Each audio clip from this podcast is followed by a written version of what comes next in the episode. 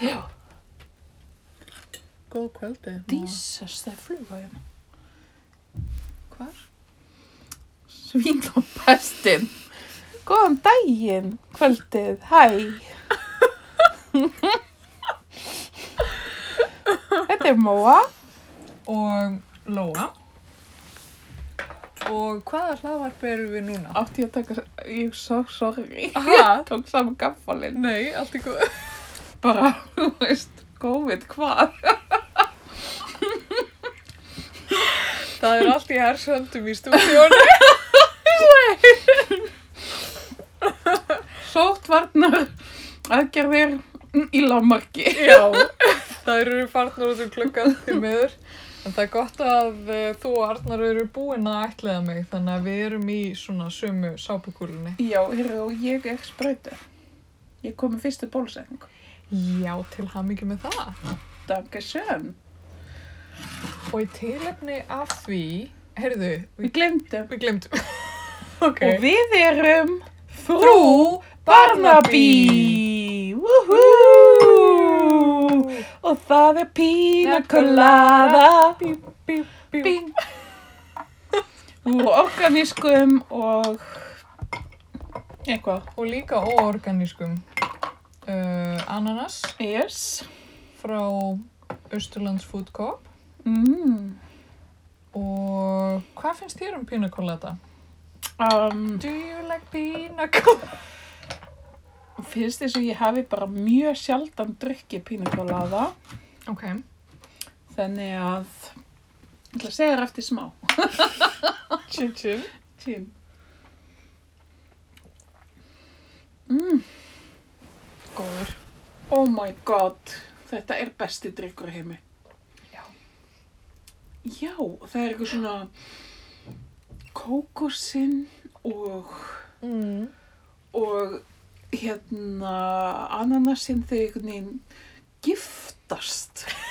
Þessi, hann er alltaf að segja þetta í hérna Bake Off. Þú Já. veist, Brögðin er svo eh, einhvern veginn bæta gott annað í. Já. Mm. Já, af því að, af því að kókosnetan er svona creamy og sæt Mhm. en ananasin er svona súr. Og sætur Og og, sætur líka. ferskur. Já. Já, og I love it. Já. Og það er ansi sumarlega stemning hjá okkur. Já, það er allt gullt. Mm -hmm. Er gulur litur vorsins? um, við vorum svolítið búin að greina það sem þinn lit. Heldur en ef ég væri ástíð, heldur að ég væri vorið? Já, klála. Auður og lóa. Mér finnst það svona Mm. kannski sko. En hvað? En hvaða kokteill verður? Mm, Það er góð spurning. Ég var bara búin að greina mömmu mína sem Aperol Spritz. Mm. Ég var ekki alveg komin að mér, held ég. Mm. Mm. Ég held ég myndi vilja vera gin fizz, hann sem ég gerði fyrir þig um daginn. Já, Sem hann er svona smá fróðu hann á. já, já. Hann er svona með fullt af sítrónu í. Já, ummitt. Já, hann er góður. Eða En whisky. ertu ekki pína kolaða? Ég, Pína kolaða. ég veit það ekki, ég gæti alveg verið það. Já. En þú, Mm. takkir í. Mm. Cosmo. Cosmo. Ég ætlaði að segja Cosmo. Hvernig vissir þau? Er hann ekki bleikur? Jú, Er það... það er líka svolítið svona... Æ, hann var aðal drikkurinn í Sex and the City Já. og þegar maður var svona rosalega mikið að damma Já. með vinkonunum, þá Já. var þetta svolítið drikkurinn. Ok, ok. Þannig að þið voru að drekka kosmóa. Mm. Cosmoa. Kosmóa.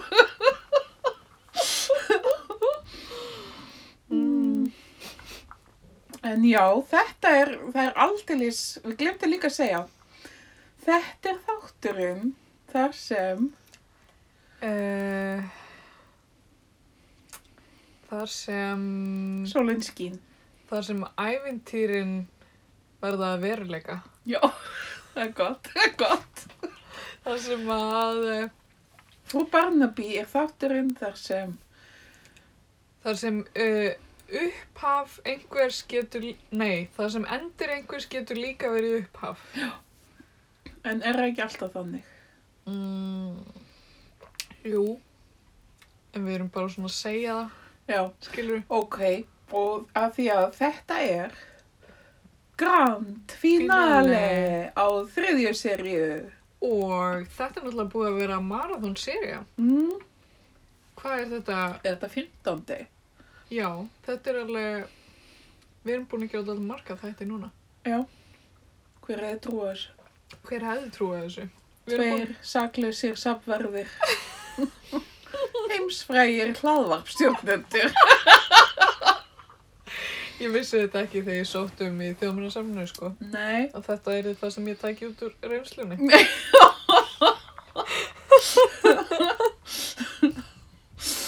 Æ, Já. Hvernig finnst þér að vera Ég, hlaðvarpsstjarna? mér finnst það svolítið skemmtilegt, sko. Mm. Má ég taka viðtal við þig? Ég er Gísli Marteinn. Ok. Ok, ég get ekki verið Gísli. Jú, Nei. ég ætla, ég ætla að vera Gísli Marteinn. Ok, ok. Og þú ert uh, hlaðvarpstjórnandi Móa. Mm. Uh, nema þú ert búin að halda út í frú Barnaby í tíu ár. Ok. Heldur að við hefum þar, sami, þar svo mikla tölum bæði. Ég veit það ekki. ég er bara svona að gefa okkur það. Ok. Uh, þetta er tíu ár í framtíðina. Já, Hvað er þú um gömul? ég vil ekki vita Nei. það. ég er orðin gömul, við skulum segja það. Hlaðvarpsformið ábyggilega eitthvað búið að þróast, sko. Við erum komin svona vídeo Já. líka. hologram, eitthvað. Mm. Og þú ert svona orðin svona formóðir annara hlaðvarpsgerða kvenna. Já, já, já, skilur, já, já, Þú já. veist, fólk er að líta svolítið upp til þín. Já, um mitt. Að þú, þetta er bara svona nýtt Já. genre sem að þú og ég, sem er náttúrulega látin eða eitthvað. Jésús, mátt ekki segja svona. þú ert einn í þessu viðtalið allavega. Ok, þú ert upptekinn, getum við alltaf þannig. ok, ok. Af því að þú ert mjög upptekinn listakonna. Það mun enginn Og trúa já, því. þú verður líklega orðin heimsfræg þarna. Já, já, já. Og hefur eiginlega engan tíma. Oh my god, og það er búið að flosna upp úr vinskap Já, okkar. já, já, við erum orðin svona óvinkonu. En við hittum samt alltaf til þess að gera hlaðvarpið, svona eins og bítlanir, mm Mhm. og, og setjum á smá sjó, já, bara, þú veist, einu sinni í viku, fyrir aðdáðandina. það En, sjálfsögðu. en þú veist, okkur finnst þetta ekki gaman lengur. Nei, nei, við erum bara að gera þetta. Og við Og erum fyrir að pening. græða ókslega mikið pening Já, á þessu. Það já. er náttúrulega svolítið. Ok, og hvað Gísli Mettit sem er orðin ellir humur. Þarna. Hann lítur samt alveg eins út, uh, notabenni, og hérna þú ert bara, já, ég, ég ætlaði nú ekki að taka þetta svona langt. Nei, þess að- ok, við slum ekki, ég lít líka svona sæmilega mikið eins út, Já, bara með lita fjólblott hár. já, nákvæmlega. Já. Og hérna, um, já, ok, og hérna, já, við erum ennþá með hlaðvarpið, þú ert orðin svona gyðja hlaðvarps heimsins Já. sem allir Ó, líta upp hljóma til vel, já. og hérna, já, það er komin til mín hérna móheiður hlýf, þú ert hlaðvarpsgerðar, galdranord, sorry, ég Ó, þú gísli maður. kannt að gera gísla, ég vissi þetta ekki. Ég vissi þetta ekki um þig. Ég var eiginlega pínu feimin. Segðu mér móheiður, Já. hvernig fer það að þessu? Sko þetta kemur allt svo náttúrulega til mín. þetta er bara, við byrjuðum þarna í heimsvaraldrinum Mm. og svo bara gáttum við ekki hægt. Já, við munum nú öll eftir því heimsfaraldrinum. Eh, Hæ? Uh, Sögulegir tímar. sorry, ég er að reyna að vera líka passlega vandræðaleg. Já, ok, þú ert að náðu fullkomlega, sko. Hvernig hófst þetta allt? Segðu mér það, móður. Já, sko, eins og ég var að segja, við vorum þarna samverðir, mjög saklausir sem slíkir, Mm. en ákvaðum að, að gefa heiminum eitthvað af okkar visku. Ég, eh, þú veist, svona deila með okkur því sem að við erum að, þú veist, fæ, færa heiminum eitthvað. Áhugavert.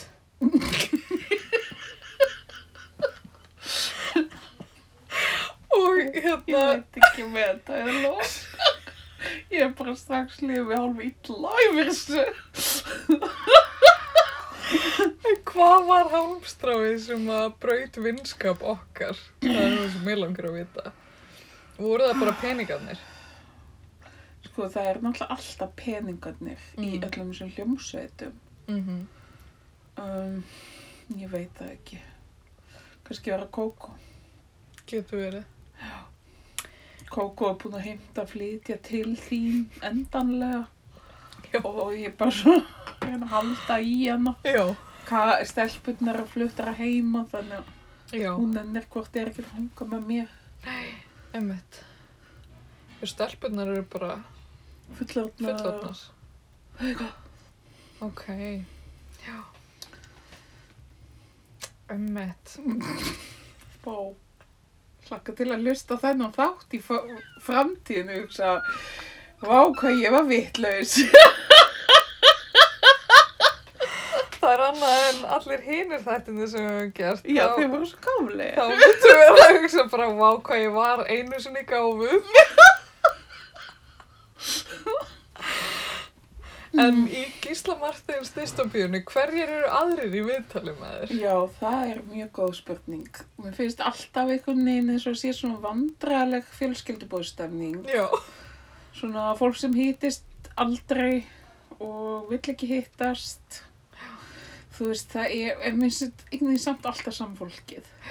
Það er eitt stjórnmálamæður. Já, Hver er það? ég þú veist, svolítið erfitt að spá í hver verður Mm. eftir tíu ár. Mm Kanski er það einhver sem er frægur fyrir eitthvað annað núna en verður orðin Já, stjórnmálamæður Já. þá. Hver getur það verið? Eitthvað bann. Þú veist, eitthvað, einhver sem er bann núna. Einmitt. Hver er bann núna?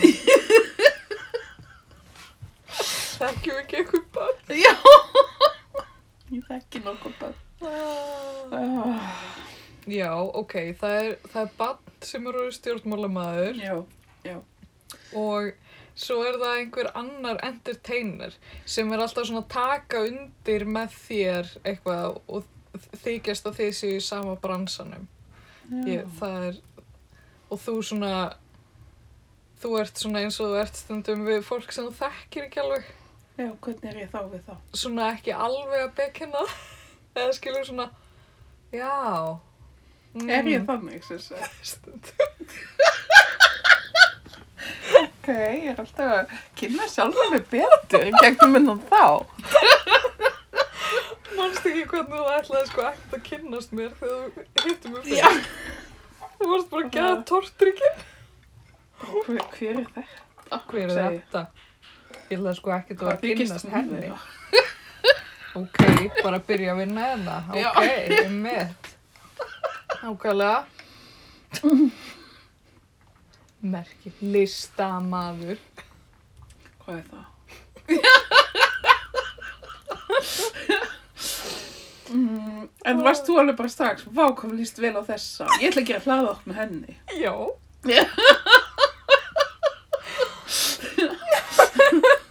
Þessi mjöldra kona, hún er að kalla til mín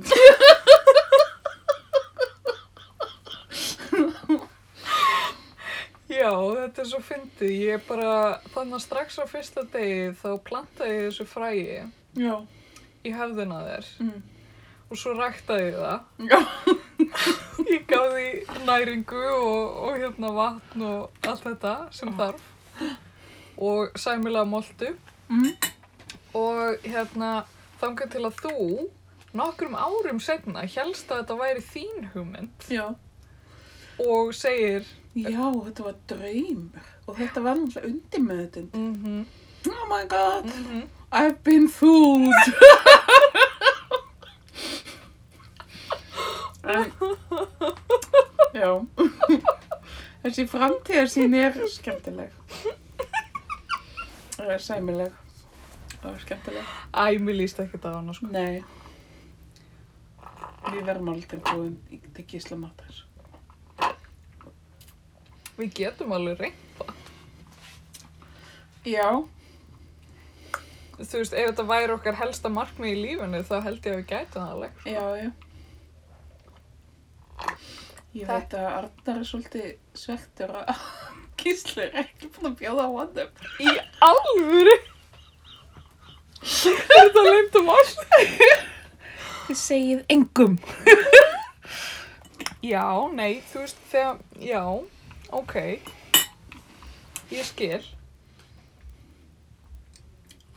Ég var reynd að spurða þessum daginn, ef að mér væri bóðið til Gísla Martins, myndi ég fara? Já. Segðu þú ekki já? Jú, með sem ekki, sko. Ég bara veit ekki hvað ég væri að gera í þessum þætti, Nei. þú veist. En þú veist, þú væri bara verið svo allar hinn og klandraleg og Bara- bara svona, uh, já, Uh, hlæja ekki að þess meðvirt með Gísla eða já, eitthvað. mitt. Veit ekki hvort að... Eða já, ég veit ekki hvernig það færi mér, sko. Það er svo, það er svo óþægilegt að vera svona meðal fólk sem maður þekkir ekki Já, í eins og sjónvarpinu. ég kannast við það. Já. Og hvað þetta er góður ananas. Hann er sjúklega góður. Þú sko að drekka ananas og borða ananas. Já. Og á eftir erum við að fara að borða köku. Grand Finale kökuna. Woohoo! En þar sem að við ætlum að ræða um í þessum síðasta frú Barnaby þætti þessara seríu og þessa vors Mm, var vorið. já. Prímavera. La Primavera, já, við náttúrulega þess vegna er allt í þessum gula þema hjá. Já, er gulur ekki vorliturinn? Jú. Og sko ananas, sítrónur, Já. þetta er allt eitthvað sem ég tengi við vorið. Þetta er allt gult. Líka. Einmitt. Og, og hvað gerist á vorum? Það eru græðlingar sem skjóta upp. Já, einmitt. Það er, sem sagt, lífið er að kvikna út um allt og, Mm. og ég hef lengi verið svolítið svona leið yfir því hvað Íslandskt vor er háslagalegt. Já.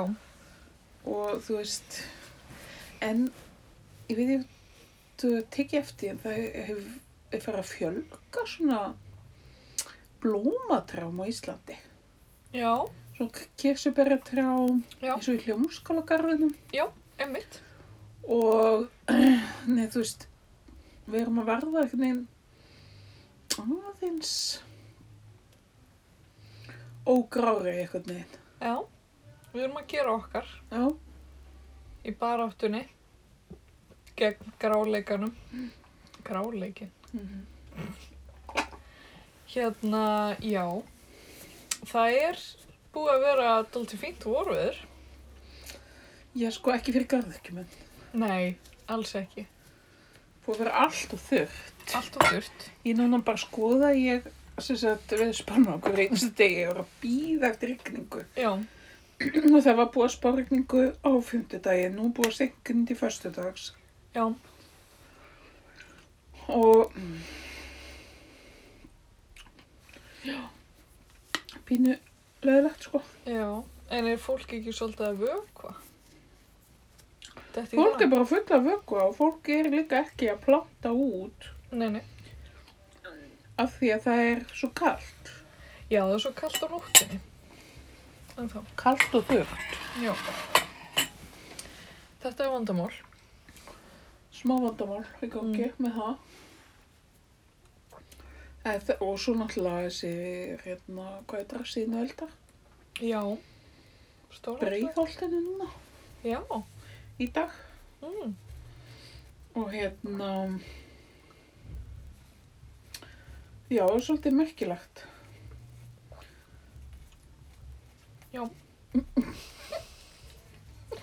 Það er fleira sem berst eins og eldur í sinu Já. í samfélaginu. Ást. Já. Nei, ætlaði að fara að tala um það. Nei, eða þú veist, já, já, já. Já, Ég ætlaði bara að nota þetta sem svona. eins Brú. og líkingamál. Já, Ó, yfir í hérna já, Me Too. já, já, fyrr, Já. já. Já. Það, þetta er... Ég var að reyna að setja mig í svona alvarlega stellingarna. Já. Uh, já, Það má segja að það hafi myndast gat hérna á hraðafsmakkanum. já, ákveðið gat, langþráð á sumum á því að þetta var mjög leðilegt hlaðvarp. Mér finnst það gleymast í umræðinni að, að hann Sölvi var rosalega leiðilegur spyrill. Já, er það. Já. Ég hlusta aldrei á hann. Nei, ekki heldur. Hann var svo leiðilegur. Já. En já, ég var bara að segja það að mér finnst útrúlega skuggalegt hvað það verðist taka langan tíma að, að þólendur einhvern veginn fái hljómgrum. Já, og líka fái bara að njóta vafans. Já, einmitt. Eins og gerendur fá svo gerðnan. og það er all- alltaf sko einhvað sagt eh, ekki fyrir en sagt er sönnuð og eitthvað svona Já, já, já. en um, þú veist þegar maður er að efast um gerandan Já, leifa húnum að njóta vafans já, þá er maður raunin ekki að trúa oft á tíðum allavega, Já. þólandanum Já. sem er það er það sem er ósengjarnast í þessu. Já, og svo náttúrulega þessar, og þessi leiðilegu komment, þessi virkir í komment, hvað heitir það, virkir í, Aðtöðsandum. sem koma með þetta endalusa, hvern, bara þetta hvern hatur Já, og, og reyndar, það er, kemur frá báðum kynjum sko, já, en þetta er líka sko þessi, þessi dylgjur, bara já, hún er að ljúa, eða hún er að vera Já. aðtikli sjúk, eða hún er þetta og já, þetta, er- mér finnst þetta svo þetta er bara grátlegt að þetta skuli vera að gerast alltaf aftur og þetta er orðið svo já maður er orðinn svo, já og svo bara lengjast bygglistarnir á stígamótum og já. ástandið er bara frekar glata sko Já. Og þetta er einhvern veginn svo glata að sjá hvað umræðan er alltaf á lágu plani. já, það er það Einhvern veginn. Já. Um þetta. sérstaklega sem sagt já, þú veist maður er alveg, eða ég er alveg upp tvær stelpur Já, og samkvæmt tölfræðinni veit ég, þú veist ættu þær að lendi ykkur já, og það er bara mjög skuggaleg tilhugsun já. Það er það. finnst mér sko Já. Einmitt.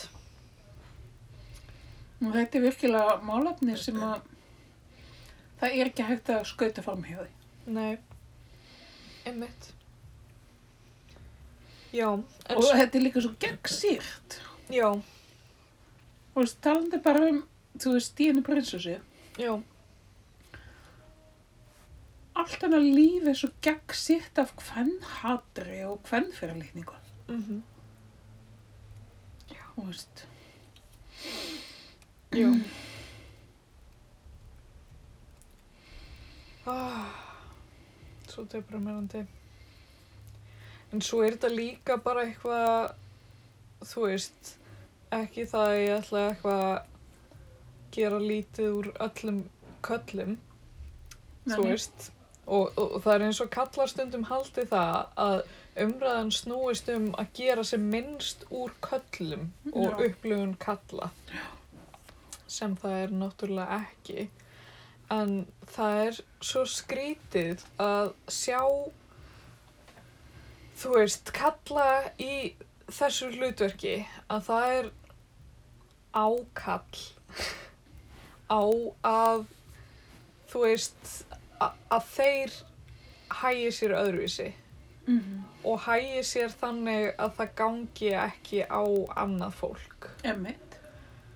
og það virðist vera algjörlega fyrir neðan allar hellur það er bara bara ekki séns að eða þú veist hjá, hjá mörgum þú veist er bara engin séns að, að það sé rétta leiðin þú veist það, það er alltaf þetta þú veist já en svona hefur þetta alltaf verið og það hefur verið allt í lægi og, og þú veist og kallar í svona forréttindastöðu einhvern veginn bara virkilega þú veist maður veldi fyrir sér hvort að, hvort að það vanti samkjönd einhvern veginn að þú veist bara það sé bara þjóðfélagshópur sem að bara get ekki sett sér í spór annara Já. að þú veist að fatta ekki að gjörðir þínar hafa mögulega áhrif á einhvern annan Emmitt. sama hvort að þú veist, já Já, líka bara, einmitt, samkjönd og, og kannski eitthvað sem að, eitt af því sem að mér finnst svolítið vanta er auðmygt. algjörlega Og það er svona, þú veist, já, það geta allir gert mistök og það geta allir auðvitað, gert eitthvað á einhvers annars hlut án þess að kannski átta sig á því eða eitthvað svo leiðis. En að ef það er ekki hægt einhvern veginn að segja bara af auðmygt, já, bara því þetta leitt, ég, hérna, þú veist, já Mér finnst þetta að vera svolítið vanda. Já, algjörlega og þú veist líka að því maður er líka alveg segur um að hafa gert eitthvað einhver tíman í fortíðinni jáfnvel einhvers það lengst og fattar núna í dag bara eitthvað já ég gekk nú kannski svolítið á mörkin hjá þessum einstakling og mér finnst það leðilegt Mm -hmm. eitthvað að hérna að ég held að þú veist umræðan snúist eða þú veist hljótið að snúist svolítið um að bara þú veist þetta er svona vitundavakning þess efnis að sem sagt að fólk getur bara sagt, eða þú veist fólk veit ekki alltaf allt Nei, nei. og fólk gerir mistök en þú veist það er auðvitað á ábyrð fólks að fræða sig Mm og hérna játa mistök sín og byggjast afsökunar Já. og vaksa og dafna sem einstaklingar Einmitt. og ekki halda bara ég, þú veist ekki bara halda eitthvað ég er greindur einstaklingur og góð manneskja og þess vegna myndi ég aldrei gera neitt slæmt þú veist af því það er svo það er svo mikið villið að gott fólk getur alveg gert slæma hluti bara án þess að vi- vita það meira Já, að segja. já, algjörlega. Svo ég er bara nú sjaldan vendið. Einmitt. Þetta er þekkt. Hæ, Kókó, ertu komin til mín? Nú er engin matti Ekki til þess mátti. að stela þér frá mér. Hann, hann fær sent aftur bóði í, í þetta stúdíó. Já. Helst mér á...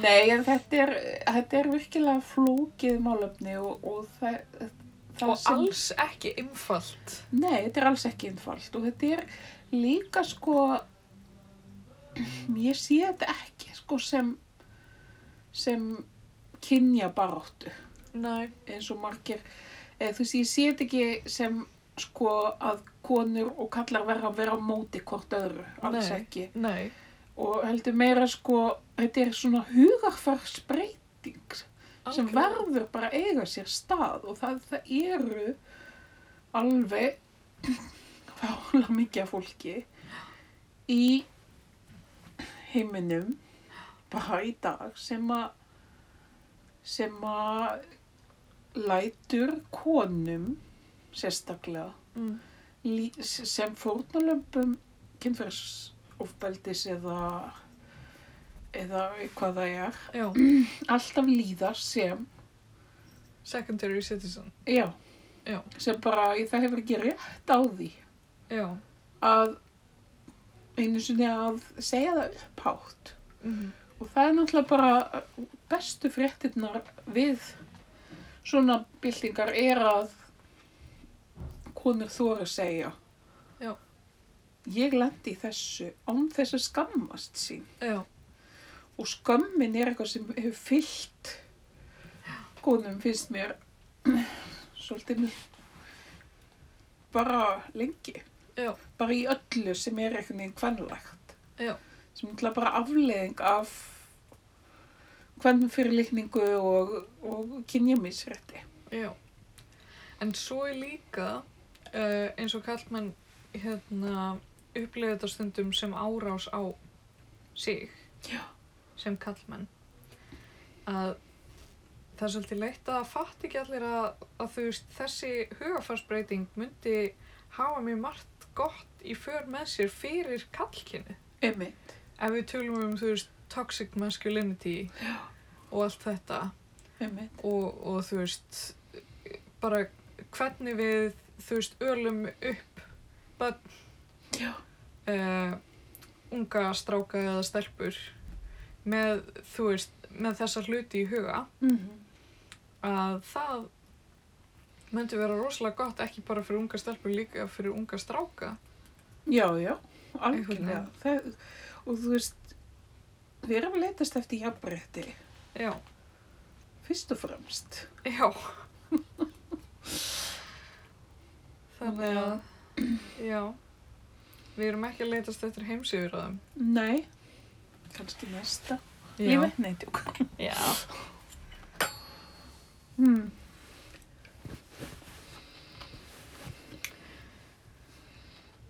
Heldurðu að ef þú værir drottning alls og allra, heldurðu að það myndi breyta persónuleikana þínum? Mínum. Mm -hmm. Já, Heldurðu að valdi myndi stíða þau til höfus? já, al alveg, algjörlega. Sko, það er vist, það er til geðveila sem er þannig að fólk með völd fær mjög oft þessa geðveilu Ok. og þetta er bara svona, ein- svona mikilmennsku brjálæði. Já. í þriðaveldi Já. og finnast maður vera ómissandi og, og hérna Já. og finnast allt sem maður segi sé fullkominn sannleikur og þú veist Já. og það er bara mjög margir stjórn eða sem sagt valdhafar sem að hafa fengið þennan þessa geðveilu Mm. en þeir náttúrulega hafa alltaf réttur sér þannig að þeir leita sér ekkert hjálpar Nei.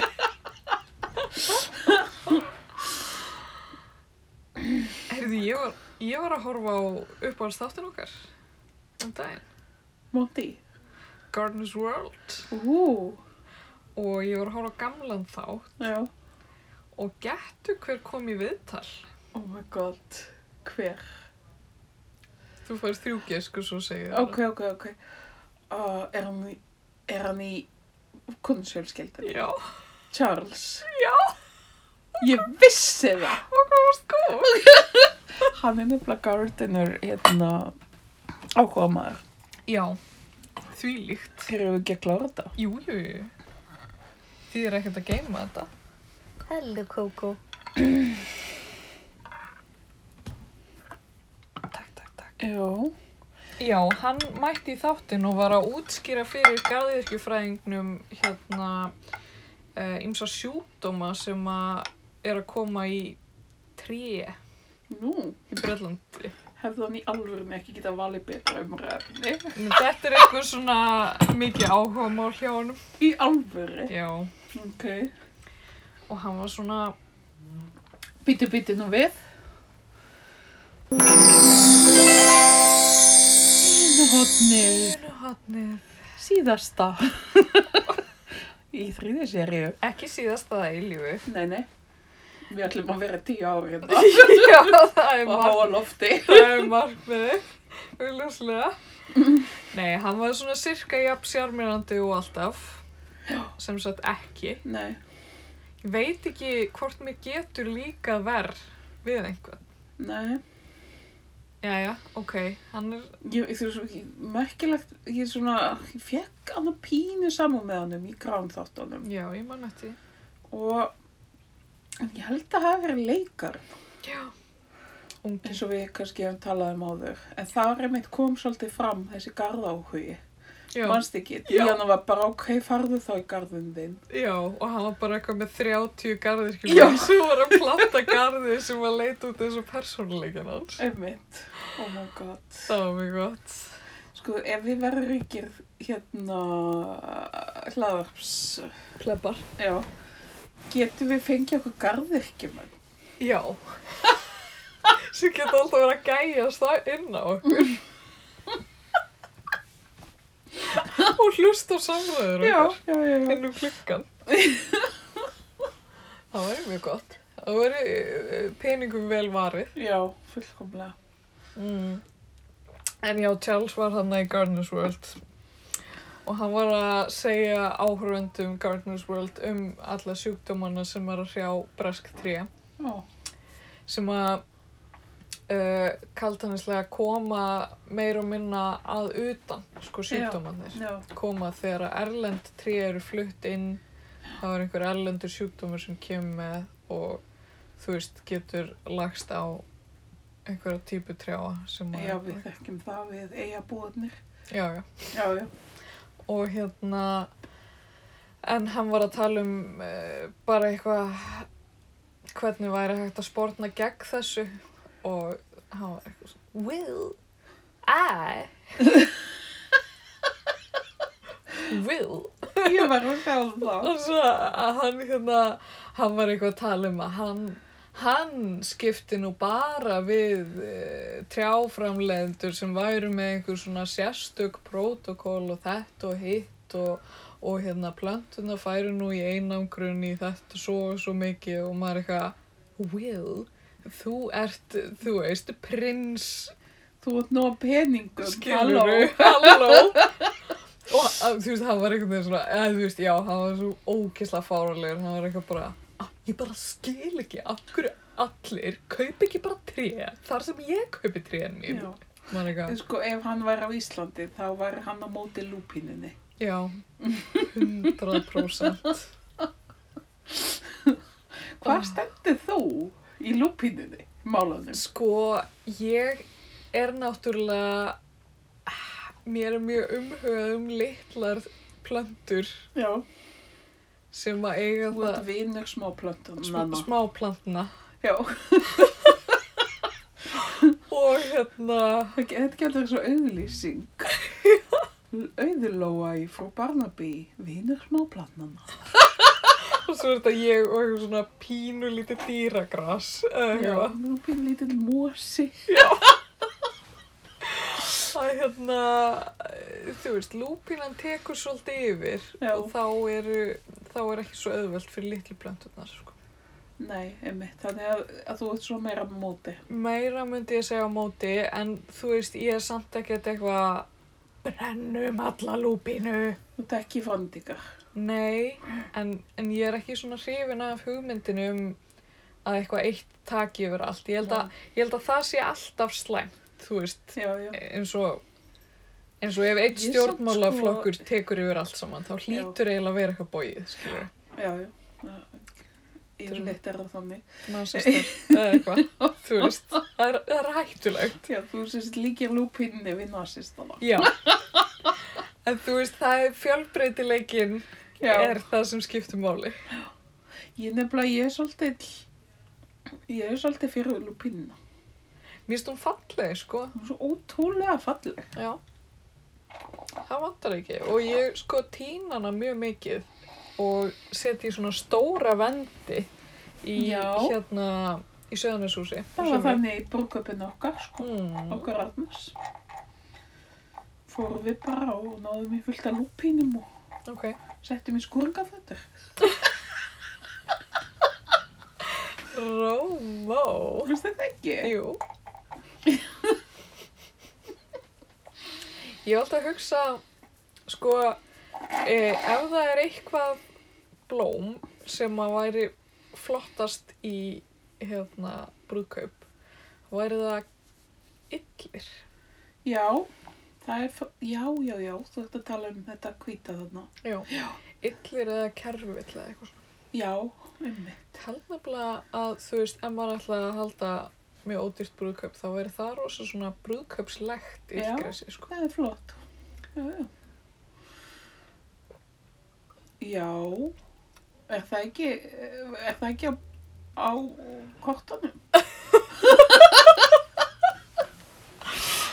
Ah, það er sko engin illir eða kerfill sem að ég veit um uh, á söðanessi allavega. En svo held ég að fólk nenni nú ekkert að plana brúðkaup fyrir en að þessi veira er bara úr sögunni. Farin. Mm. Eða allavega ekki ég. Nám, hvað þetta er gott. Já. Finnst það bara góð frumraun mín í pina colada gerð. Þetta er bara besta pínorkulada sem ég hef fengið. Þú hefur ekki fengið pina colada áður, þú varst að segja. það. Já. Enga síður.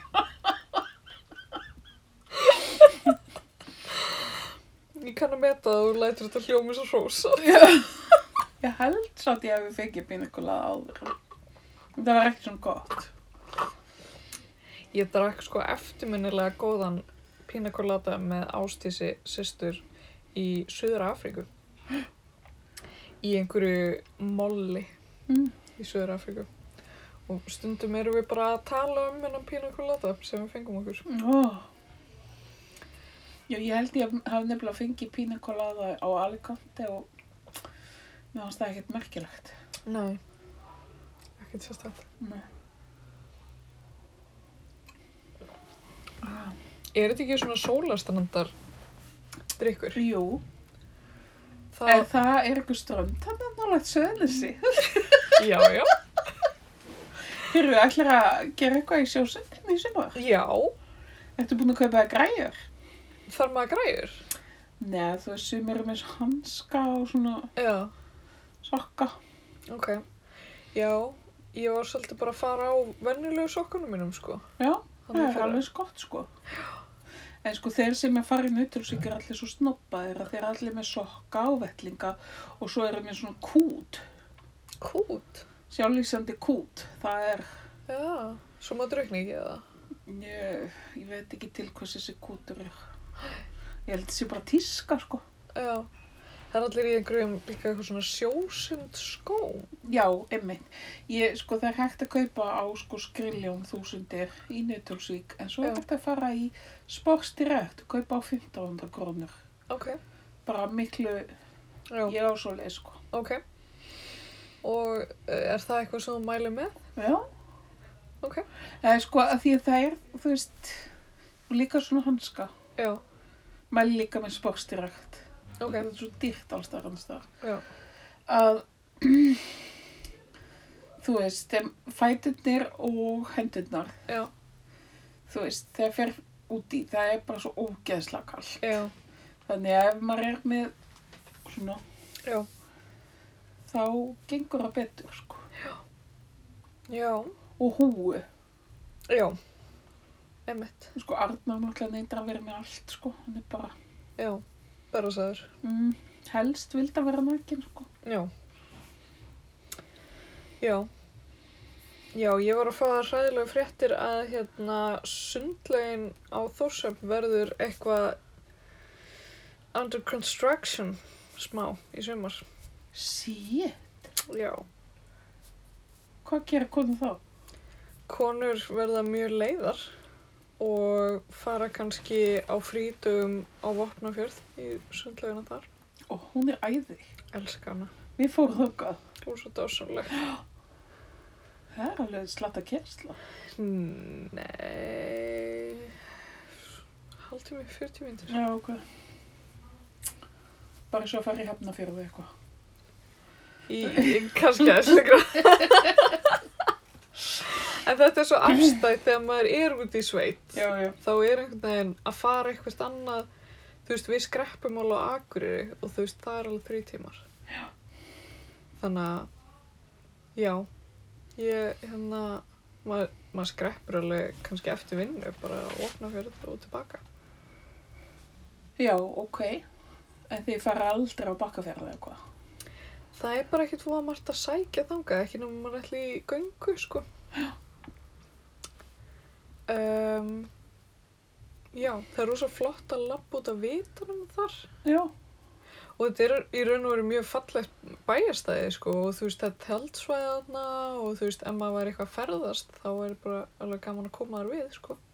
en sko ég, man- við stoppum hana og það var svona miði í sjoppunni. Já. Það ringir hingað. bara, annars er ég ekkert við, þú veist. Og opnunartíminn var eitthvað bara eitthvað 5 til 6 Gaman, þrísari viku. okkur fannst best þegar við komum fyrst á Bakkafjörð þá sko var gamla sjópan, hún hétt sko Mónakó okkur fannst þetta bara eitthvað svo geðveikt út af því að við fórum hana á Bakkafjörð þetta var sko áður en þau fengur status hana brotættra byggða það var bara ekkert að ske og þá meina ég sko við fórum hana keiriðum að, keiriðum í gegnum bæinn fórum nýra á höfn og eitthvað sáum ekki eina mannsku Ok, uh, og við hérna keirum hann eitthvað upp á fjall og áleiðis að þessum vita löppum svo alveg drikk langa stund út að þessum vita og einu lífuröðna sem við hittum voru kindur sem voru svona alveg geðveikt skrautlegar þær voru bara eins og með svona með svona mexikanskar grímur eða þú veist, þær voru svo allskins einhvern veginn munstur að þeim og eitthvað ok. og við horfðumst einhvern veginn í augu við þessar rosa skraut kindur og vorum bara eitthvað, já, svona er alltaf bakka fyrir því. Eitthvað, og ég held að við hefum ekki hitt eina mannesku og svo, svo löpum við fram hjá þessari sjoppu sem hétt Monaco og okkur fannst það bara eitthvað svo surreal. Já, það er mjög svo realist. En þetta er skrítin sko bær upp á það að, þú veist, ég held að ástæðan fyrir að það, það er ekkert mikið að gerast en það er eitthvað svona kvótavesen. Já, já. En það náttúrulega er ekkert voðalega mikil höfn. Uh, þannig að þetta er bara svona einhvers konar smábóta höfn eða ég vona að ég sé ekki að fara hérna rangt með. En hérna, en það er miklu stittra á miðin frá bakkafyrði heldur en frá þossum. Já, ok. Þannig að bátarnir sem gera út frá þórsöfn eru í raun og veru að fara mun nær bakkafyrði heldur en þórsöfn. Eða þú veist, sigla bara eiginlega að bakkafyrði og veiða þar. Ég skil. Eða eitthvað. Já, já, já. Eða þú veist, rétt hjá þar. En Eitthvað. það er hellingur að gerast þarna á vopnafjörði. Já, Vopnafjörður er eitt hérna ríkasta sveitafélag á Íslandi. What? Sagði Starki mér einhvern tíman en hann lífur stundum. Þannig að Getur það fyrir? stundum gera það óvart. Já, ok, ok. En já, það var, þú veist, það virkaði allt eitthvað svo í blóma og Já, mikið um að vera og falleg hús og falleg garðar já. og við fórum hérna á kaffihús. Svona vel hirt svolítið. Já, einmitt. Mjög fallegt þetta. Já. Og svo þessi sundlegu sem er hann áður en maður kemur. Já. Sel... Selárdalslaug. Já, getur það verið. Heitir hún það ekki? Eitthvað slúðis. Og við hliðin á sko alveg klikkaðisleiri lagsveiði á.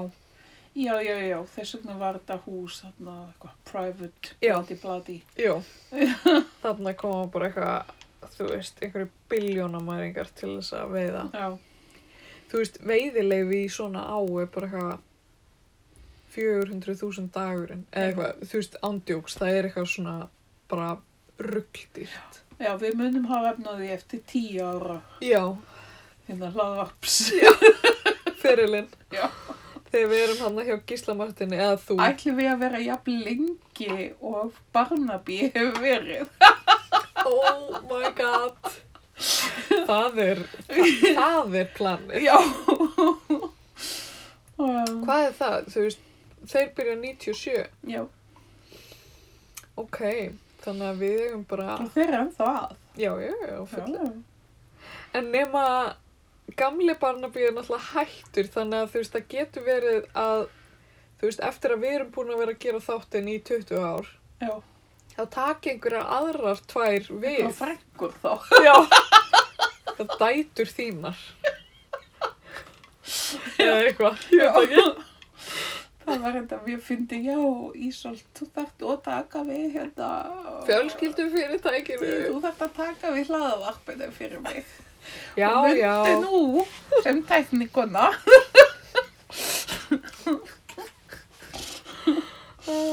Ætlaði að verið þá komið eitthvað bara svona hlaðvarpsgerða róbot sem gerir vinnuna þína. Já, allir hægja. Eða ég minna tæknivinnuna, augljóslega róboti geti ekki verið svona skemmtilega og fyndin eins og þú. Nei. Kanski, kannski var komið þannig robot.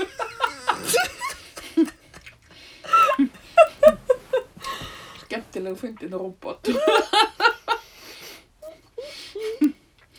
kannski verðum við búin að taka upp svona hláturinn, þú veist, úr aldrei sérjum að því að Já. okkur finnst ekkert lengur gaman að Play.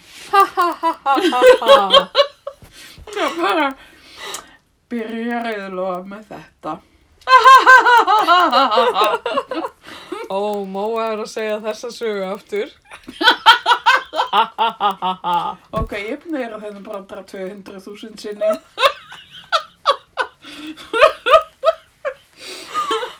Og svo slekk, slekkum við á upptökunni og þá er bara stál í stál að því við erum ekki lengur í. Já, þá bara, ok, bæ, heru, Ég tek kókó með mér, já, ok. allt í lagi þá.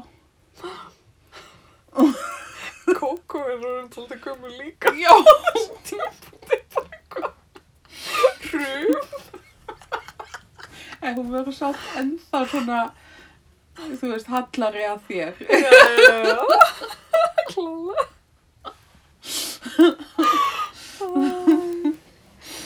Uh, veistu, ég hlustaði á mjög dystopist podcast einhvern tímann um daginn um svona kynlífsrobot Ok, og svona þetta industrí sem er að keppast um hver getur búið til flottasta kynlífsrobotið. ok, Það er til alveg gett mikið af kynlífsrobotum. ég vissi það Nei, ég ekki. Nei, og það er gríðarlega mikill markaði fyrir þetta. Já. Og, og ég að þurfa að spyrja. Sko, ég nefnilega held að ég, mér myndi ekki finnast þetta áhugavert. Já. Af því að mér finnst ekkert voðalega, þetta er ekki notaleg hugsun, Nei. alls ekki. Nei. En hérna, svo var þetta bara ótrúlegt efni. Ok, Þetta var, þetta var svona einu af þessum lengri greinum sem var verið að lesa upp í podcastformi og hérna það var sem sagt einhver sem að bara dýfði sér mjög hérna djúft onni hérna kynlífsrobota heiminn og var að skoða mismunandi framleiðendur og hvað var svona mismunandi emphasis hjá þú veist mismunandi fyrirtækjum hvort það væri verið að gera þú veist robota sem væru mjög mannlegir hvort það væri að sér hanna fyrir fólk Já. þú veist, af því það er náttúrulega hægt að velja hjá sögum fyrirtækjum, þú veist kannski, og þetta er náttúrulega rosa mikið bara hvern kynlífsrobot já, já. kall kynlífsrobotarnir eru ekki, ekki svo vinsalir sko uh, þú veist, það er hægt að fá robot með freknur eða þú veist, ljóst hár eða dögt hár eða þú veist, ég veit Ok. það ekki En ég er að með húð. Já, Já, ok, því mér finnst alltaf, ég sé alltaf róbót fyrir mér bara. það er bara robot inni, skilur Já, já, já. og svo er bara eitthvað svona silikon Já, já, já, ok, já, eitthvað ok, ég skil. og þú veist, það ég er er alltaf einhver svona 80s róbót og bara... Uh, uh, uh. Veistu hvað Síminn þetta er? hengir. Kakan! kakan er tilbúin Ef ekki að setja hlið bara. þá er það stutt pása Afsækki hlið. Mm, mm. mm. Sjúklega gott. Þú sé ég sjálf frá. ég held ég hafa aldrei borðað sítrónutertu og pina colada saman Nei, það er alveg að vera í góðu samtali sko þetta er svona sumarsamtal. já en já, kynlífsrobot Já, mál málana. sko, eh, mergum málsins var svona eh, hérna hugmyndafræðilegur Mm. eh, eða svona ágreiningur hugmynda sem sagt erum við sem samfélag hlind því að það séu til kynlífsróbot? Já, ok, erum við hlindi? Ég, það er, þetta er miklu flokknari spurning Ok, heldur en ég hefði kannski haldið í Já. fyrstu af því fyrsta hugsunum mín er nei, oi, eitthvað, þú veist, þurfum við það já, en uh, mikið eh, að miklu leiti til verðist þetta að vera bara mjög einmanna fólk já, já, já. sem að nýti sér þetta Já, lóðum að giska. Mjög mikið í Japan. já, mjög mikið og uh, bara einhverju svona lónerar sem að er ekki alveg að geta kannski alveg tengt við aðra mannesku líka Já, en sko, er þetta ekki líka þá kannski ég vel hluti á vandamálinu? Jú, sko, uh, það er sem sagt þetta, uh, eitt argumenti er sem sagt þetta, að þetta sé að leysa ákveðin vanda.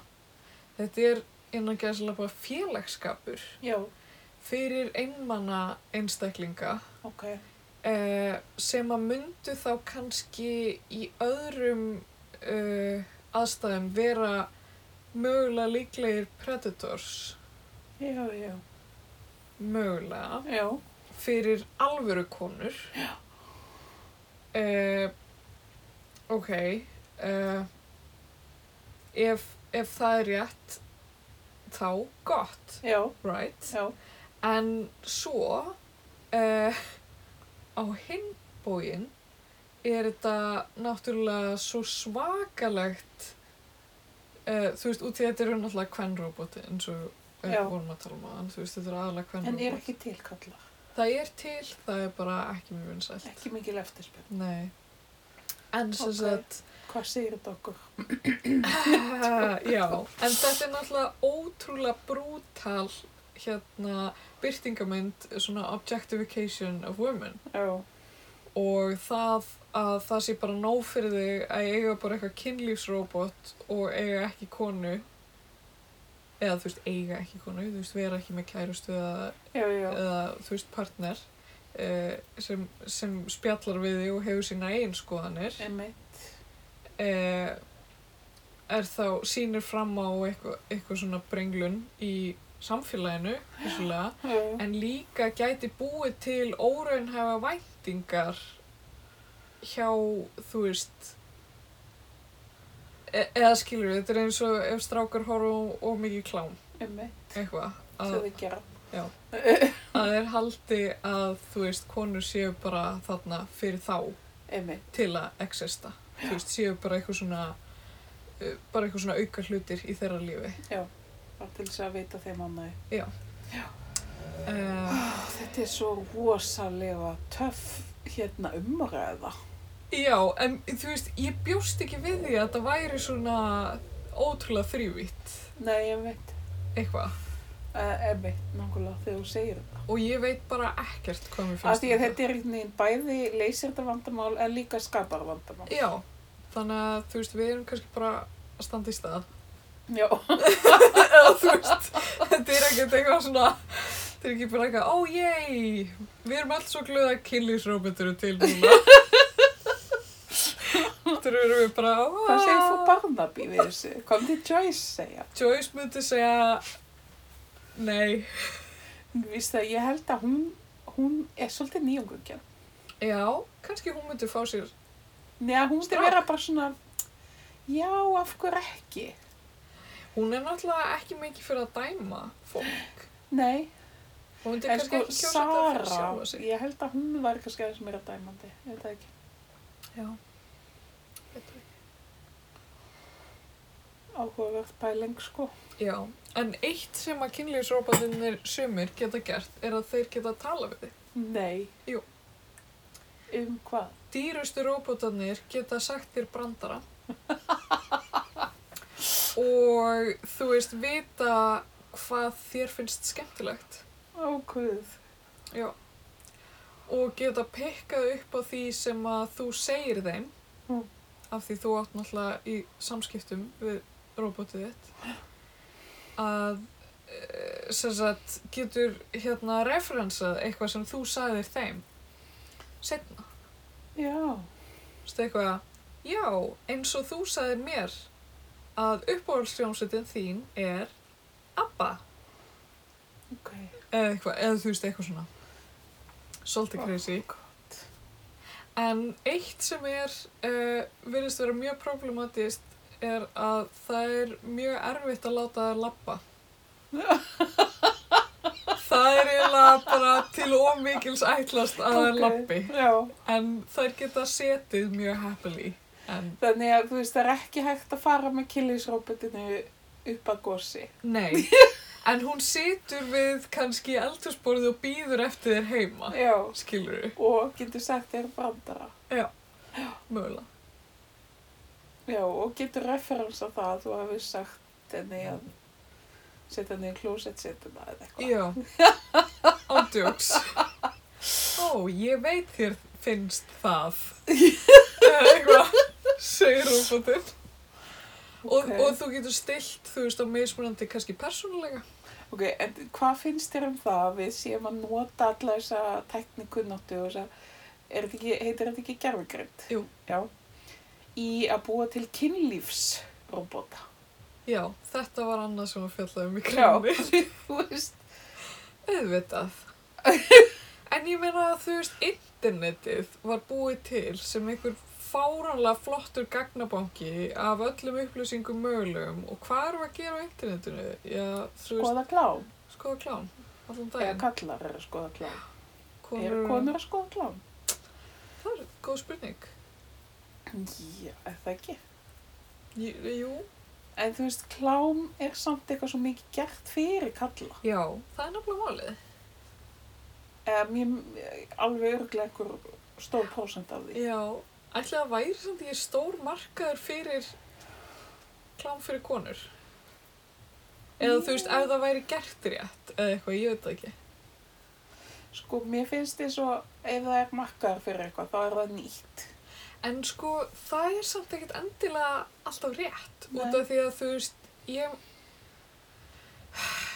Ég, nú er að rifjast upp fyrir mér eitthvað sem ég las eða heyrði einhvern tímann um bara fyrsta sjónvasefnið sem var gert sérstaklega fyrir konur eða, eða bíómynd eða eitthvað sem var gerð svona fyrir, þú veist, target audience voru þú veist ungar konur Já. eða eitthvað að þá var allt í hennu bara einhver á einhverju skrifstofu, einhver kall sem fattaði að það var þarna heilt audience sem að átti peninga til þess að eyða í bíóhúsum sem var ekki verið að targetera Já, já, já. það er hitt kynið, Já, þú veist og bjóð svo til einhverja kvikmynd sem var bara eitthvað svona geðvikslefinsar eitthvað svona sem minnum á það, ég var að horfa á ja, mynd Já. sem geti mögulega flokkast undir, eða þú veist, nei, þetta var ekki klámynd. ok, Þetta var ekki klámynd. vá hvað ég er spennt Sma, var smá klámi Já, þú veist, já. Og hún heitir The Handmaiden Ok, og þetta er rosaleg bíómynd. ok. Þrýr tímar Oh my. og eins og Arnar lísti þessu þ- og þú veist, og ég er svolítið sammálónum, það er þetta blanda af uh, veit ég hvað var að, þú veist, þetta er blanda af Jane Austen, þetta er blanda af Shakespeare uh, dönsku stjörnumerkjamyndunum sem ég veit ekki hvort þú kannast við kannast ekki við það Nei. það eru ljósbláar svona klámmyndir Ok, sem voru eh, in the 80s ok. Nei, ég nei, veit ekki hvar ég hefði þetta. nei ég veit það, það voru svona klámyndir sem voru svona ekkert sérstaklega mjög mikið að skeggiðu fólki Ok. Wow, spennandi. já það er eiginlega sem ég man af eh, eitthvað anyways hétu allar þú veist hérna megarmerkið og eitthvað Ok, allavega nú, þetta er blanda af þessu og a, og þú veist eitthvað svo ævintýramynd og eitthvað uh, Og þetta er bara svolítið flott mynd sem ég mæli með sko frá Ok. okay. Kóru, Suðkóru ok. en að mjög, sjálfsögðu. en mjög sexy.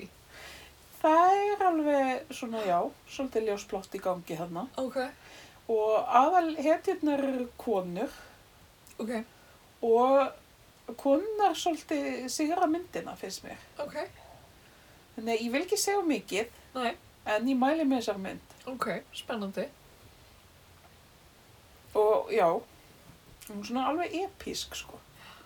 Og eh, sem sagt, í kvikmyndabransanum þá eru kóraubúar og eða þú veist bara asíbúar, þeir eru bara all the shit þess að dagina. Ok, Það er bara alla bestu myndirnar að koma það. ah. Ok, hot tip. Já, frá úr kvikmyndaklubnum okkar. Já. Mér er svo gaman hvað ég horfum mikið á kvikmyndir. Já, þetta er kvikmyndaklubunum að þakka, sko. Já. Emmitt. Já. Og Arnar er þetta.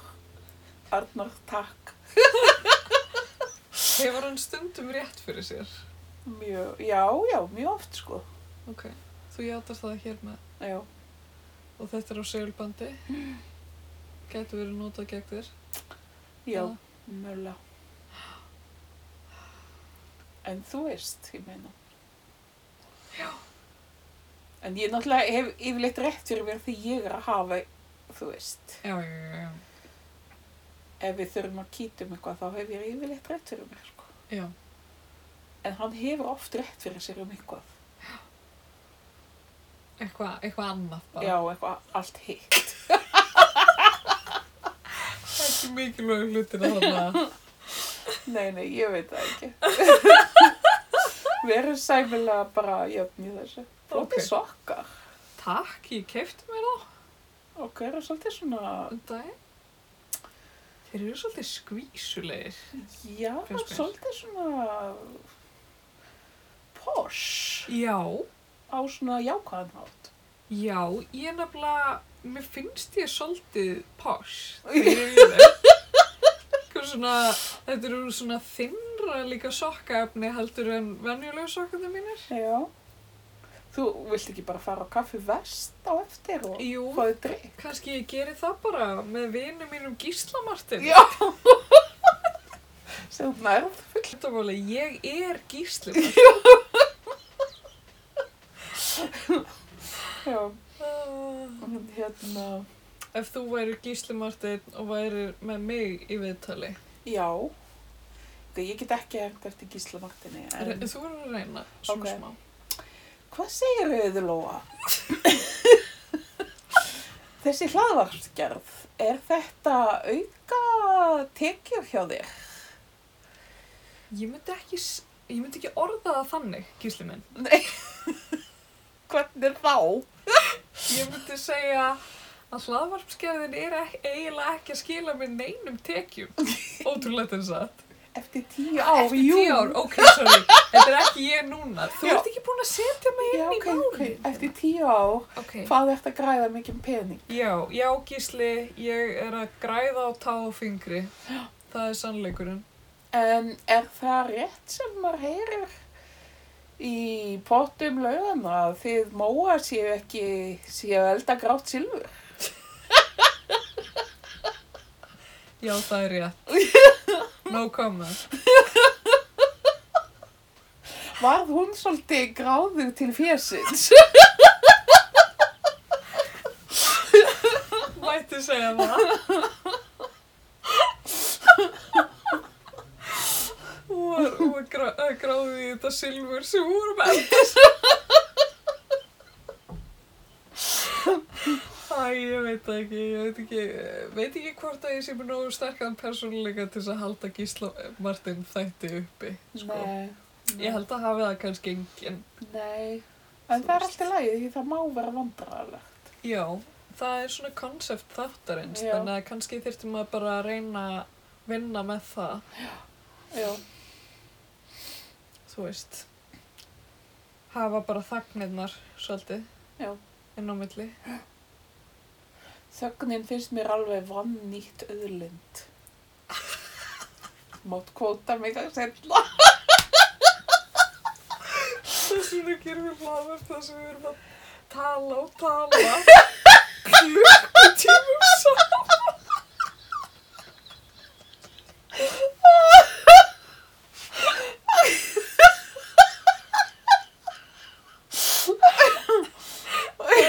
þögnina. Ég veit alveg okkur við varum ofta óvingunar eftir tíu ár. Það var eftir þú erum búin að fá leið á ruglinni. það var ekki að því ég var svo gráð. Það verða, sko, það sem verður okkur að falli eru orðabrandarandi. Já, hvað, ég veit það, ég veit það. Þú náttúrulega fölnar yfirleitt upp. Ég hef aldrei séð manneski fölna upp þegar ég segi brandara. Áður. Þú voru alveg átt góða spretti samt, Já, já, takk. bara Takk. mjög Kannum með það. hund, það prósent, fannst mér gott í hundafættinum, mann eftir því. Það er, það er gott, það er gott. Það er, Býtu, hvað ætlaði ég að segja? Já, já, já, já, við erum svona, við erum svona svolítið búin að he vera að heyra frá aðdáðendum stundum, já, fáum stundum send skilaboð já, og hittum fólk á, á förnu vegi. nemi. Og þ- Eitt af því sem mér finnst skemmtilegast sem að fleiri en einn eru búin að tala um eh, er að það eru margir sem hlusta á okkur sem eru að tala við okkur á meðan. Nú, á bara þegar við erum að tala? Já, eru að taka þátt í samræðan Ó, með okkur. Finnst þið það ekki notalega tilöksu? heyrðu, það verður kannski í framtíðinu þannig að það verður bara hægt að kalla til okkar. Já. Bara eitthvað, og þá kæmi Maggi bara, ó, getið ekki talað um þetta. Þannig að hætta, please. Það var líka Maggi orðin tíu árum eldri og svona aðeins styttri þráðir, skilur. Það er eitthvað, oh, mér er illt í njánum. Ég veit ekki, ég veit ekki hvað tíu árum eldra fólk talar um. Það talar um það. Svona, Ó, ég, ah, já, já, en það er svolítið notalegt að hugsa um þessa litlu vini sem við eigum þarna úti, sem er að taka þátt í umræðum um kynlífsróbóta og annað. já, mitt. Svo finnst mér líka, sko, af því við höfum tekið eh, gesti í þættina og mér langar nú ekki að, ta að tala um þetta sem viðtöl beinleginns, Nei, þetta sem við gerum, en, en við, þetta er fáum, svona fáum- samtöl. já, við fáum gesti í, í þáttinn og mér hefur stundu fundist eins og eins og þú veist eftir á, þú veist út í eitt viðtal það er bara svo stutt eða þú veist samtal að það væri svo gaman að fá fólkið sem við erum búin að tala við aftur og aftur Já, bara í en svo svona, getum við ekki fengið nýja. jú, jú, við getum alveg bara líka fengið nýja Já, ok. en þú veist bara eitthvað eins og, eins og ég, þú veist, vera bara eitthvað að labba úti og svo, svo, þú veist, eins og var ég að hlusta á þáttinn sem við gerðum með matta Já, síðast og uh, svo er ég einhvers staðar einhvers staðar í lífinu og þá hefur segi að það hefði verið gaman að tala um þetta við matta já, einmitt. Það Skilurðu? voru alveg nokkra hlutir já, sem kom upp sem ég sagði, að já, ég glemd að tala um þetta við matta. já, og svo fannst mér svo gaman að því að svo erum við með grúptjatt við þrjú Já, og þá var hann að senda okkur eitthvað já, það er nú verið gaman að tala um þetta líka og mér finnst það svo gaman já, mér langar eiginlega að fara að taka fólk aftur í viðtöl já, framhaldsviðtel. framhaldsviðtil eins og mér langar að gera þátt með Ástísi sýstur þar sem við tölum bara um Gilmore Girls Já, það er gott efni. ég held að það verið mjög gott já, og kannski Muriel's Wedding þegar þú ert búin að horfa á hana. já, já, já. af því það eru svona sérstök áhámál hjá mér og Ástísi sko. og svo þú veist já, ekkert náttúrulega hefur þú veist, þetta voru bara svona Sko, ekkert hann þarf að fá, hann þarf að vera með sitt eigið já, ég held það eiginlega bara. við erum bara að tefja hann sko. Já, hann þarf að vera með sitt eiginlega af því að hann er með svo mikið hann er efni. með svo mikið, hvernig getur hann og við erum ekki, þú veist, spurning Ekkert, þú veist, hot tip, þú getur verið með þitt eigið hlaðvarp Já. og kynlífsrambótt neitt, já.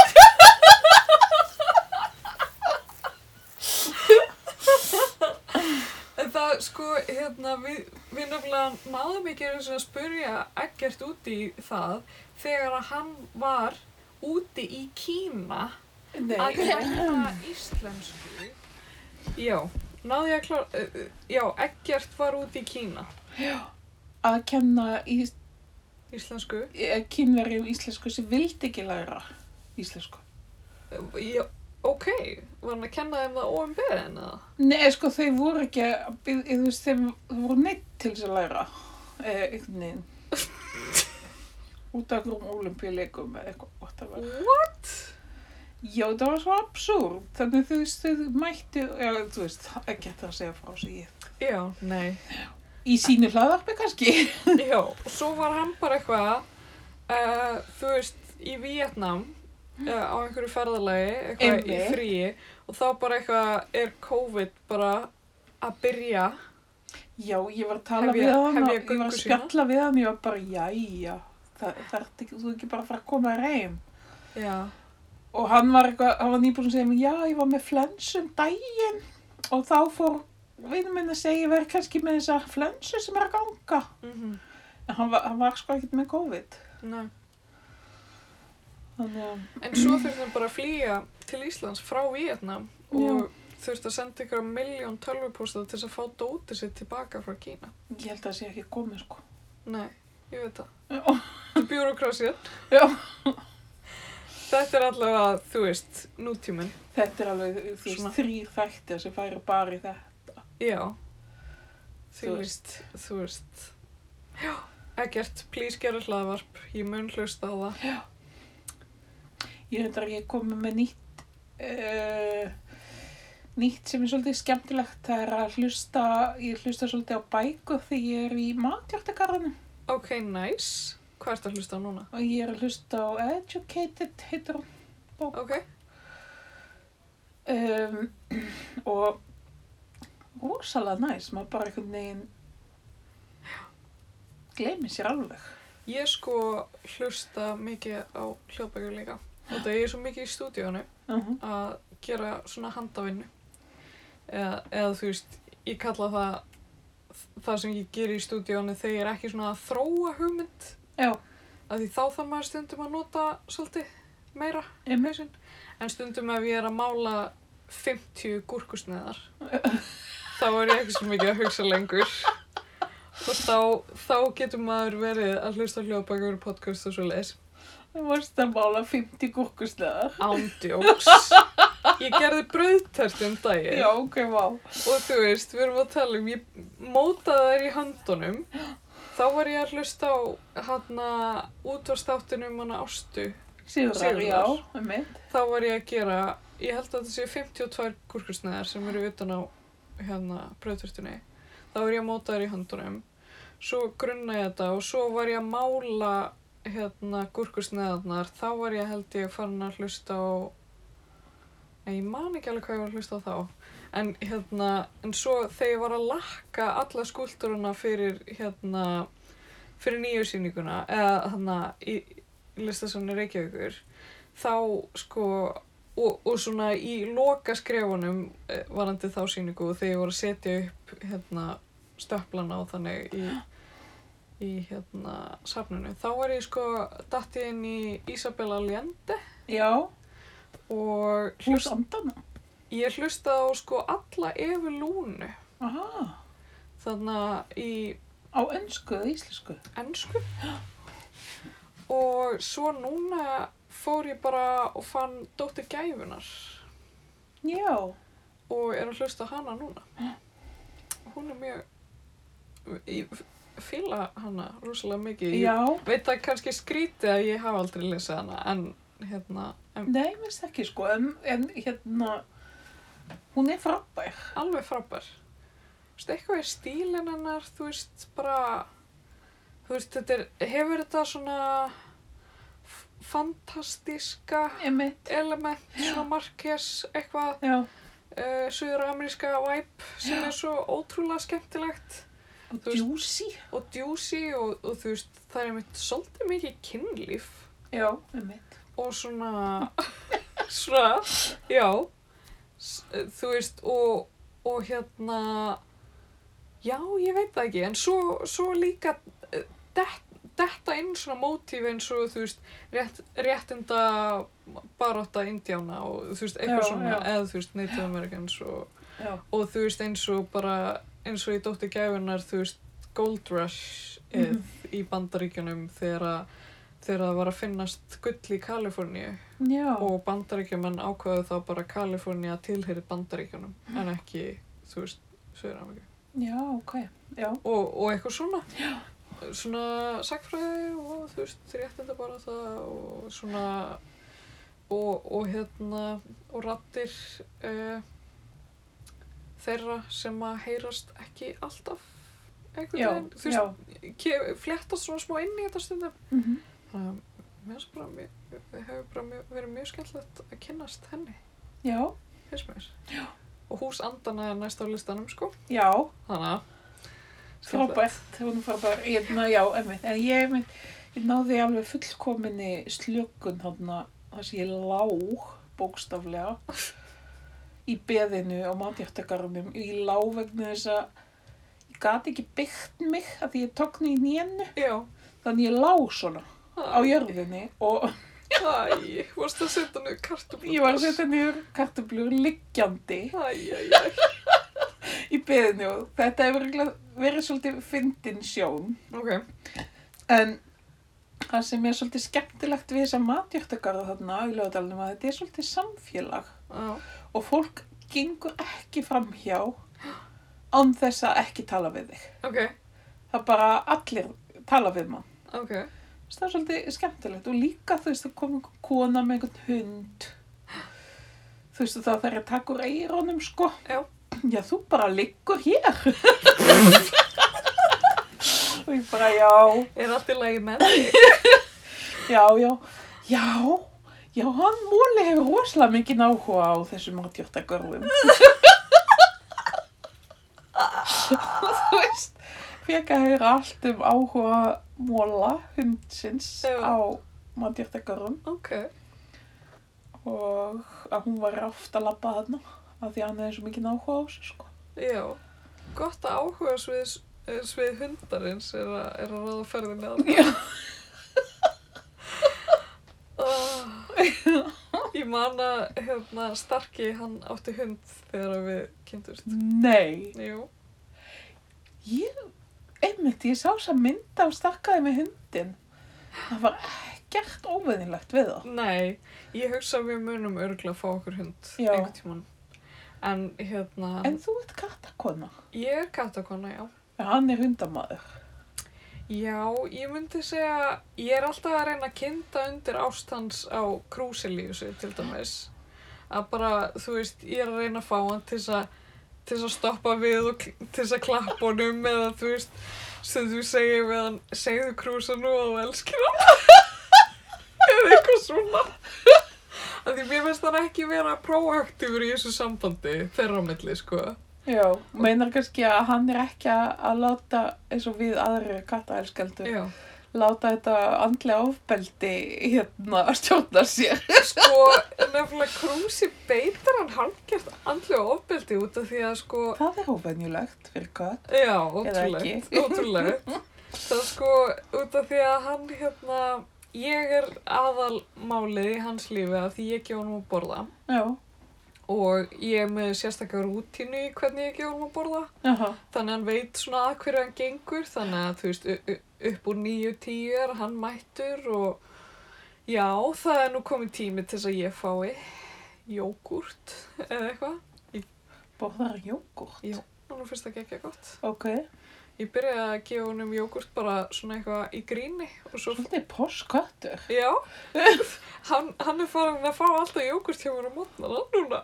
Ok, það er kannski gott fyrir maðan hans. Já, mér finnst það eins og, ok, þú veist, ég, ég er náttúrulega klikkuð, en hérna, ég ger bara alveg greið fyrir því, en mér finnst það eins og hann njóti sín best þegar hann fær eitthvað svona létt á mótnana og svo kannski fer hann í harðari efni, svona hátíðis kvöldmatar.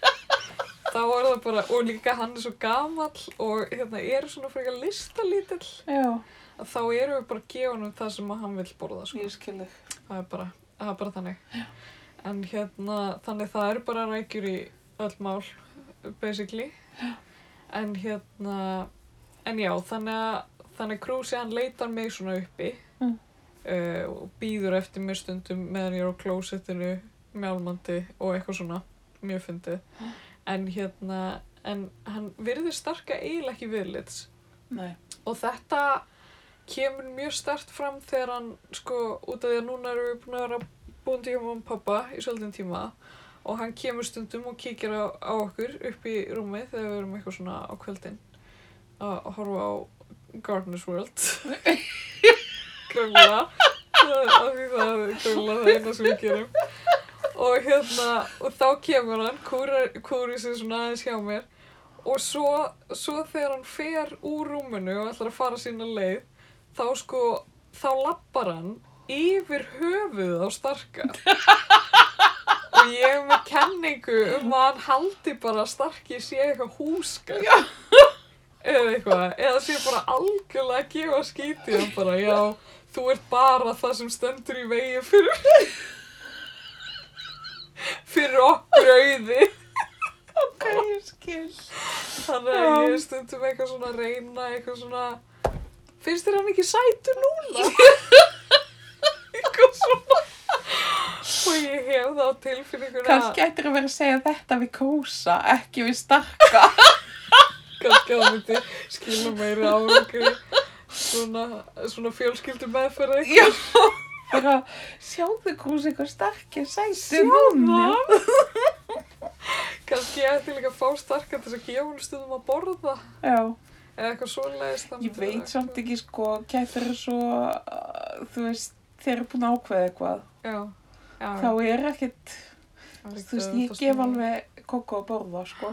Já, Ég er samt ekki aðal mannskjarni hérna lífi nei. og þú veist, Þú reynt þetta sem sagt. Já, og, og svona eins og þú veist, a- eins og Arnar gefur hann eiginlega að mest að borða Já, og er svona algjörlega yfir umsjón með því já, en samt er hún alltaf að lulla uppi á Karolínu já. sem gefur hún aldrei að borða Sko, sko, fattaru einmitt. þannig að Þetta er flókið. hún, þú veist, hún er bara búin að ákveða en þú veist, stundum eins og sérstaklega því ég lasin því ég lasin þá kemur hún upp í rúmtími Já. ég bara tek öllu sem á mér er veitt Sem býðst. Ég Já. er bara ekkert stolt.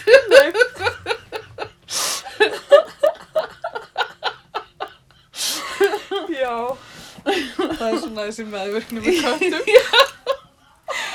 Þú veist, og svo, svo Bara, hundar. það, það liggur við að maður leggist bara í að reyna að beitti mig andlega ofblöldi, please. Já. og hundar, sko lengi vel treysti ég ekki hundum og þegar hundar koma bara til manns og er bara eitthvað Hæ, hvað segir þú? Já. Eigum við að koma að gera eitthvað skemmtilegt saman? Já, ummi. Eitthvað svona, maður er eitthvað Þú ert með sömu rödd þegar þú notar, þegar þú ert að segja Gísli Martin og þegar þú ert að leika hund. Gísli Martin er labrador Náttúrulega Hann alltaf átti þannig. Já, ég held að hann sé labrador Já, sko ok. í persónu Já. Já, já, sko, einmitt. Ég, sko, ég hef lent í smá svona alls konar æventýra með hunda. Já, að ég átti fyrsta lagi átti ég vin sem var hundur þetta er mjög skemmtileg byrjun að sögu hétt Vaskur og var hundur sem sagt ömmu sýstu minnar Ok, og lassi hundur ó, og alltaf þegar ég heimsótti þau já, sko, þú veist, mér leið bara eins og ég, hann væri vinu minn þú veist, við bara fórum út að leika og eitthvað svona já, og hérna það, það var mikið áfall sko því ég frétt af því að hann hefði dáið Já. en þar fyrir utan í Fraklandi er mjög mikið af hundum og ég hef lendið svolítið oft í svolítið slæmum aðstæðum Já. einu sinni þá hérna þá sem sagt varf ég fyrir bíl af því að Já. það var gælti hundur Já. á mig Já. og ég hljópaði göduna ég var svo hrætt sko Já. og hérna og svo öðru sinni þá var eitthvað svona róna hundur sem að svona bæði skiptin sérferendar já Þeir Sem eru að svolítið svona- skeri, sko já sem svona eiginlega feldi mig Já, Og hérna, en þannig ég ég var alveg pínu, oft verið pínu hrættu hundar sko já En svona litla líkla hunda Ertu hrætt við litla hunda? sem eru ekki séfar. Já, nei. En finnst þér ekkert um þá? Þeir eru ekkert sætir eða... Jú, jú, mér finnst það alveg. Ég er svolítið skotin í alls konar dýrum, sko. Fá mér. Já. Veit samt ekki hvort ég myndi fá mér hund. Nei. Þeir eru svolítið dependent, Já. svona. Sem er... Mér kannski sækist meira í svona andlegt ofbeldi. Já. Kannski segir það eitthvað um, um þig. Meira svona... Já, ég veit það ekki. Það er bara, ég tengi meira við ketti, sko. Já. Ég segi ég væri frekar köttur heldur en hundur, sko. Já. Já. Er- Hvað heldur við að tala um? Þessi þögn var ekki til heiðus neinum. Nei, þetta var þögnin sem heitir Ætluðum við að tala um eitthvað fleira? Já, já, já. Ætlum við ekki að gera það. Já. Pina colada. Da, da, da, ra, da, da, ra, da, da, da, ra, da, ra, da, ra, da. Hefur hlustað á textan á þessu lagi? Nei. Þetta, ég, ég ætla nefnilega að fletta þessu. Sko, hérna, ég nefnilega hlustað á textan Já. um daginn.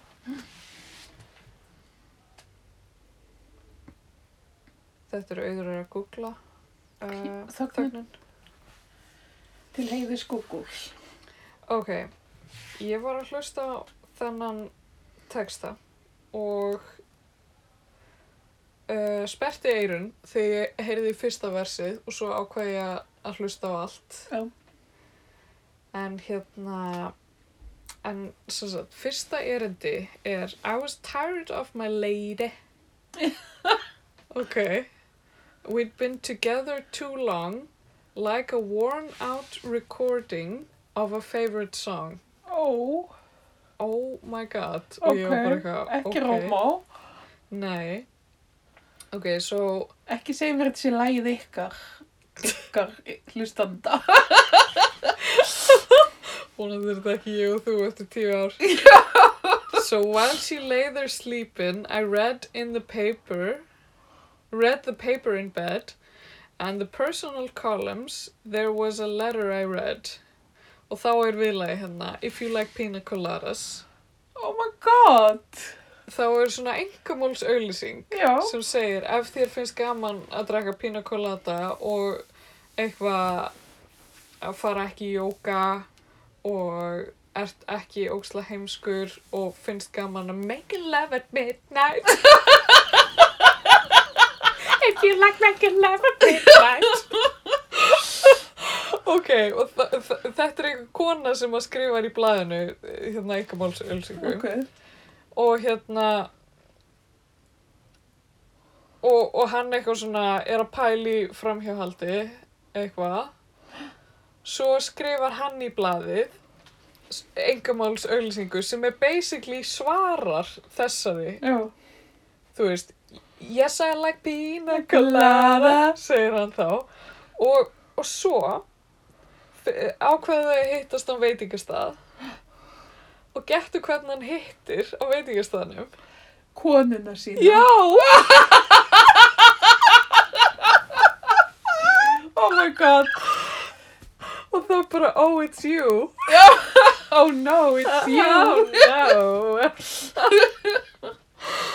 Ok, ég veit ekki hvort þetta er romantist eða ekki. Nei, þetta er ekki rómatískt. Þetta hljómar, þetta hljómar bara ömulega. Já, þetta hljóma glatað. Æ, en Þetta er náttúrulega loka lagið okkar. Á þessum loka þætti sem er ekki bara endalok, heldur líka upphaf. Já, Af Þetta er því að- lítill græðlingur að seríu hausins, segjum að það. Já, alveg eins, sko. Kýmblöðin eru byrjuð að vaksa. Og svo náttúrulega í sumar ætlum við, já við ætlum nú aðeins að tala um sumarið.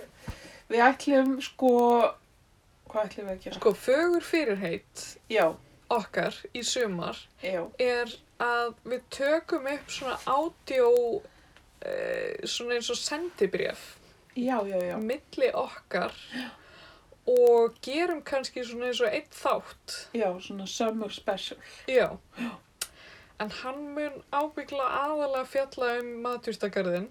Já, og söknuðin, get það verið? Alltaf hann á mín megin. Ah, Og eitthvað svona hvað Kókó var að gera Já, stundum. einmitt. Uh, lömbin, heimalingarnir í sveitinni Já, og vona nú að þeir fara ekki mikið að vasast í garðinu mínum nú þegar ég fara að leggja þetta tvent saman um, Já, ég trefla. ég held að hún sé bara í, í fínu fjöru sko Ok, ok. Ég er ekki vissum að ég vilja hana til undan eldis en, Nei. en ég hugsaði henni verið bara leift að vera með sko Ok, Það eru sko alveg nokkrir heimilingar f- ö, fyrri ára sem urðu bara að fínustu kindum. hvað er svanurum? Hann er held ég bara ennþá á svæðinu sko. Já, já, ok. Kolbeinn Núngi. Kolbeinn núki. Get trefla. Já, ég hlakka til að fá fréttir af, af öllum þessum Allum þessum vinum. vinum okkar. Já.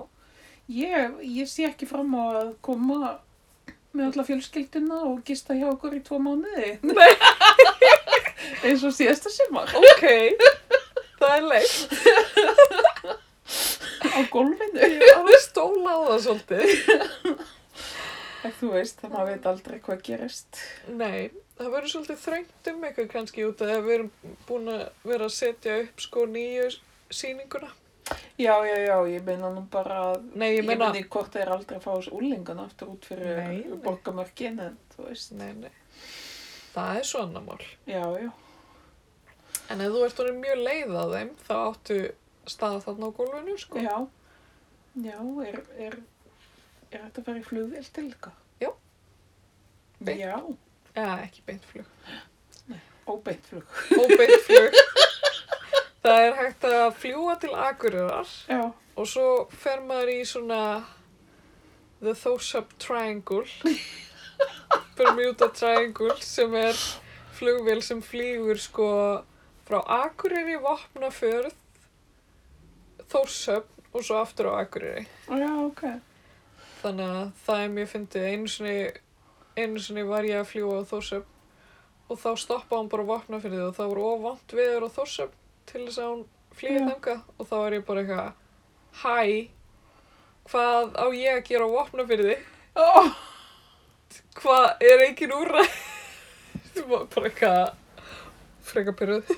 Já, sem minnum á það að það er hérna staður í Edinborg Já. sem er eitt, það sem eitt af uppáhalds kaffehúsunum mínum var, Já, eða er, sem var kallarðu Bermuda Triangle, um, en sko sem var, það því að voru þrýr nektarstaðir, akkurat í þrýrning. Þannig að kringum þetta kaffehús. Oh. Oh. Það, var, það var ein gata rétt hjá það sem við byggum í Brussel, þar sem voru svolítið að strippstöðum.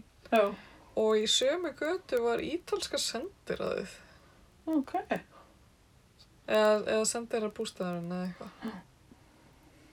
Eh, Ég man allavega að það var að bara við hliðin á strippstað, Já. bara, Já. En hérna bara að því að þetta er síðast þáttur að svo margt sem verður að komast að já, að vissið þú hvers vegna Disney teiknumyndin Moana Já.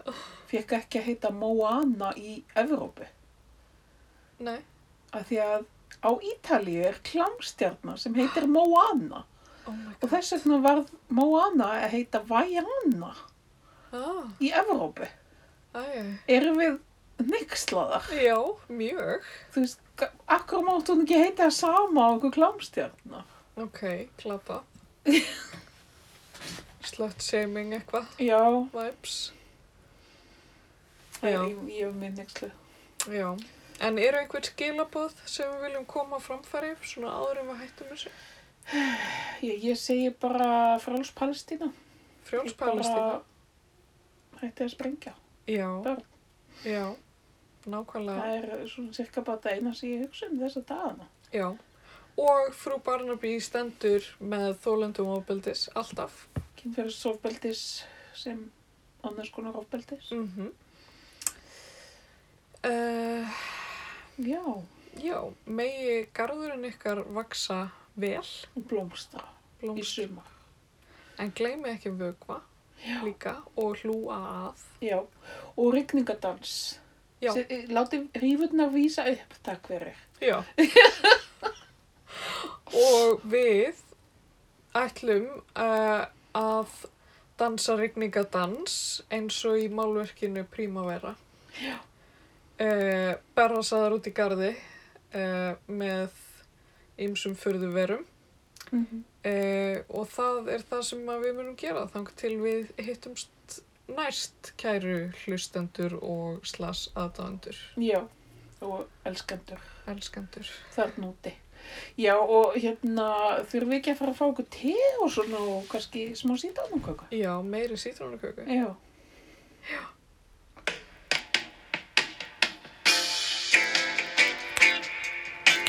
Sýta í allt um öll ljóð sem hún var. Já. Ég hugsa bara, you bastard. En þeir eru bæði bastur. Sko, ég nefnilega held svolítið með henni Ok, af því hann hljómar eins og algjör hálfutu. ok. The favorite song. So while she lay there sleeping, I read the paper in bed. And in the personal columns, there was this letter I read.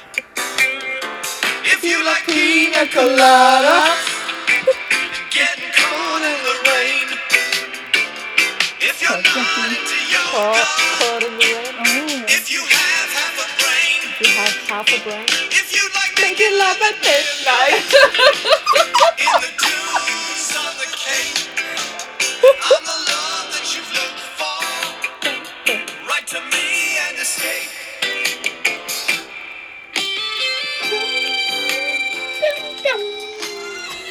Bye. Bye. Gleðilegt sumar.